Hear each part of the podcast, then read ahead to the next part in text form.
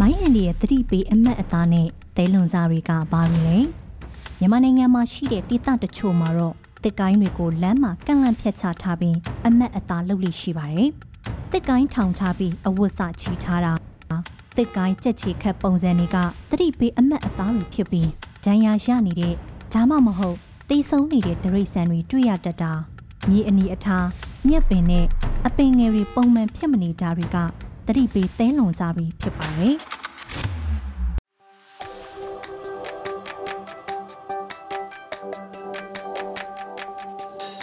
Dorosh ပြည်သူများအားလုံးပဲမင်္ဂလာခင်ဗျာအပတ်စဉ်တင်ဆက်ပေးနေကြဖြစ်တဲ့ရင်ခုန်ခန်းဆောင်အကောင်းဆုံးဘောလုံးပွဲစဉ်များစီစဉ်ကနေပြီးပြန်လည်ကြိုဆိုလိုက်ပါတယ်အခုတစ်ပတ်မှာဆိုရင် Premier League ပွဲစဉ်26နဲ့အတူ Crown Flower ဘောလုံးပွဲကြီးကိုရှင်မြန်ကစားရတော့မှာပါ Crown Flower ဘောလုံးပွဲမှာ Liverpool နဲ့ Chelsea တို့ထိပ်တိုက်တွေ့နေတာကြောင့်ပွဲကြီးပွဲကောင်းဖြစ်လာပါလိမ့်မယ် ဥဒ္ဓဘကစားရပွဲစဉ်တွေကအသင်းကြီးတွေရဲ့ပွဲစဉ်တွေကိုရွေးချယ်ကောင်းလုပ်ပြီး Dorosh ပြည်သက်တွေအတွက်ရင်ခုန်ခန်းဆောင်အကောင်းဆုံးဘောလုံးပွဲစဉ်များဖြစ်သုံးသက်တင်ဆက်ပေးလိုက်ပါရခင်ဗျာဘုံမောက်မန်စီးတီးဘုံမောက်ကလည်းနိုင်ပွဲပျောက်ဆုံးမှုရှေ့ကြလာခဲ့ပါပြီတန်းစင်းစုံပတ်ဝန်းကျင်ကအသင်းတချို့လောက်နှစ်ပွဲဇက်တိုက်နိုင်လိုက်တာနဲ့ဘုံမောက်ဟာတန်းစင်းစုံပတ်ဝန်းကျင်စီကိုဆင်းသွားဖို့ရှိနေပါတယ်မန်စီးတီးကတော့ချန်ပီယံပြေးလန်းထက်မှာတီတီငင်ငင်နဲ့ဆက်ရနိုင်အောင်တပွဲချင်းအလိုက်အားဆိုင်ကစားနေပါတယ် ဂျားရဲ့တုံးကလက်ကြံပွဲစဉ်ကစားခဲ့ရလို့မန်စီးတီးပွဲပန်းနေနိုင်ပါတယ်ဒါပေမဲ့ဘုံမောက်ကိုအနိုင်ယူနိုင်တဲ့ခွန်အားကမန်စီးတီးစီမှာအပြည့်အဝရှိနေပြီးသားပါမန်စီးတီးကိုပဲအားပေးလိုက်ရှင်ပါတယ်ခင်ဗျာမန်ယူဖူလန်မန်ယူဟာနိုင်ပွဲတွေဇက်တိုက်ဆိုသလိုပဲပြန်ရလာခဲ့ပါပြီအဆင့်လေးနဲ့အလှမ်းဝေးနေသေးရင်မဲ့နိုင်သိနိုင်ထက်တဲ့ပွဲတွေကိုနိုင်အောင်ကစားနိုင်မယ်ဆိုရင်အဆင့်လေးကိုစိတ်ကူးရင်နိုင်လောက်တဲ့အခြေအနေတရက်ဟာမန်ယူအတွက်ဖြစ်ပေါ်လာနိုင်ပါတယ်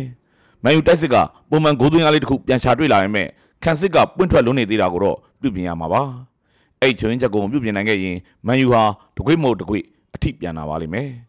ဖူလန်ကတော့ဒီနှစ်ဘောလုံးရာသီမှာဖြစ်ချင်တိုင်းကိုဖြစ်လို့နေပါပြီသူ့ထက်အခြေအနေပိုဆိုးနေတဲ့အသင်းတွေထွက်ပေါ်နေတာကြောင့်သာတန်းစင်းစုံပတ်ဝန်းကျင်စီဖူလန်ထိုးဆင်းကြမသွားသေးတာပါနောက်ဆုံးကစားခဲ့တဲ့ပရီးမီးယားလိပွဲစဉ်၅ပွဲမှာဖူလန်နိုင်ခဲ့တာဆိုလို့တပွဲတည်းသာရှိပါတယ် ဖူလန်ဟာပရီးမီးယားလိလို့နာမည်ပြောင်းလိုက်ပြီးတဲ့နောက်ပိုင်းမန်ယူအသင်းပိုင် Old Trafford ဘောလုံးကွင်းကြီးထဲမှာတပွဲပဲနိုင်မှုပါတယ်ဖူလန်ရဲ့တံမြန်တက်စစ်ကစားပုံကတိတ်မဆိုးလာလို့မန်ယူကိုအကြက်တဲ့တချို့တွေ့စီမှာပါ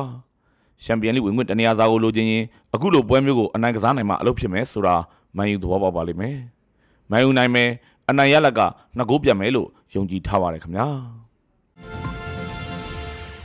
အာဆင်နယ်နယူကာဆယ်အာဆင်နယ်ဟာအသင်းလိုက်ကစားပုံ အယမ်းပဲတိုးတက်လာပါတယ်။ဂျာရဲ့တုံးကချန်ပီယံလိပွဲစဉ်ကစားခဲ့ရတဲ့အတွက်အာဆင်နယ်စီမှာပွဲပန်းမှုတွေတော့ရှိနေမှာပါ။တစ်ဖက်မှာလီဗာပူးနဲ့ဂျာကအမှတ်ကွာချက်တွေကိုချော့ချမှာဖြစ်လို့အာဆင်နယ်အတွက်အမမခံနိုင်တဲ့အနေအထားတစ်ခုစီကိုရောက်မှန်းမသိရောက်လာနေပါပြီ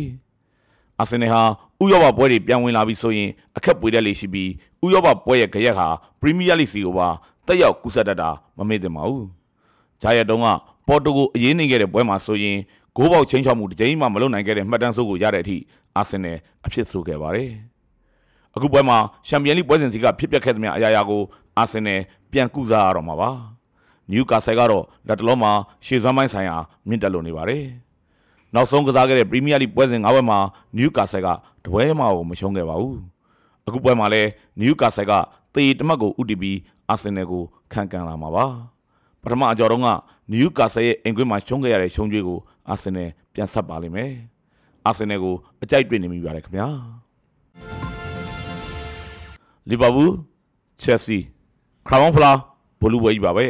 ။အကျိတ်နဲ့ရှိတဲ့ပွဲကြီးပွဲကောင်းတစ်ပွဲဖြစ်လာပါလိမ့်မယ်။လီဗာပူးဟာအကောင်းဆုံးပုံစံတစ်ခုကိုရရှိလိုနေပါတယ်။လီဗာပူးတဲ့ထုံးနေချက်လို့ဆိုရမှာကဒဏ်ရာရပြဿနာတွေပါပဲ။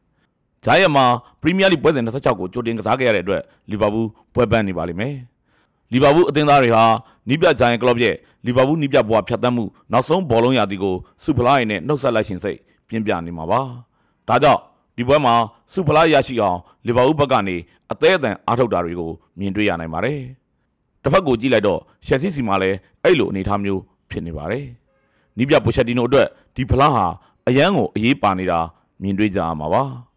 ဘာကြောင့်လဲဆိုတော့ဒီပြိုင်ပွဲမှာပိုဆွဲလိုက်ရင်ရှက်စီကစားသမားတွေရဲ့စိတ်ဓာတ်ပိုင်းဆိုင်ရာခံယူချက်မြင့်တက်သွားမှာသိကြနေလို့ပါပဲ။နှစ်သင်းလုံးဟာအဓိကကစားသမားအစုံလင်ကိုပွဲထုတ်လာမှာဖြစ်လို့အကျိတ်နယ်ရှိတဲ့ပွဲကောင်းတစ်ပွဲကိုမြင်တွေ့ရပါလိမ့်မယ်။ဒီနှစ်သင်းကိုချိန်ထိုးကြည့်လိုက်ရင်လီဗာပူးကယုံကြည်ချက်ပိုင်းဆိုင်ရာမြင့်တက်နေတာအအသင်းလိုက်စူစီယာကောင်းမွန်နေတာခန်းစစ်ပိုင်းတည်ငြိမ်လုံးနေတာအစရှိတဲ့ဘက်ဒီမှာရှယ်ဆီထက်တာလွန်နေပါတယ်လီဗာပူးပဲအနိုင်ရသွားပါလိမ့်မယ်လီဗာပူးဟာခရာဘောင်းဖလားချန်ပီယံအဖြစ် အောင်ပွဲခံသွားပါလိမ့်မယ်ခင်ဗျာအခုဆိုရင်ဒီတော့မှရှင်မြန်ကစားမဲ့ဘောလုံးပွဲစဉ်တွေကရင်ကုန်ကန်စားအကောင်းဆုံးဘောလုံးပွဲစဉ်များဖြစ်အသင်းကြီးတွေရဲ့ပွဲစဉ်တွေကိုသုံးသက်တင်ဆက်ပေးခဲ့ပြီးဖြစ်ပါတယ်ခင်ဗျာတော့ watch ပိတ်သက်တွေအားလုံးကံကောင်းမှုနဲ့စုံစည်းနိုင်ပါစေလို့လည်းဒီနေရာကနေဆုမွန်ကောင်းတောင်းပေးလိုက်ပါတယ်ခင်ဗျာ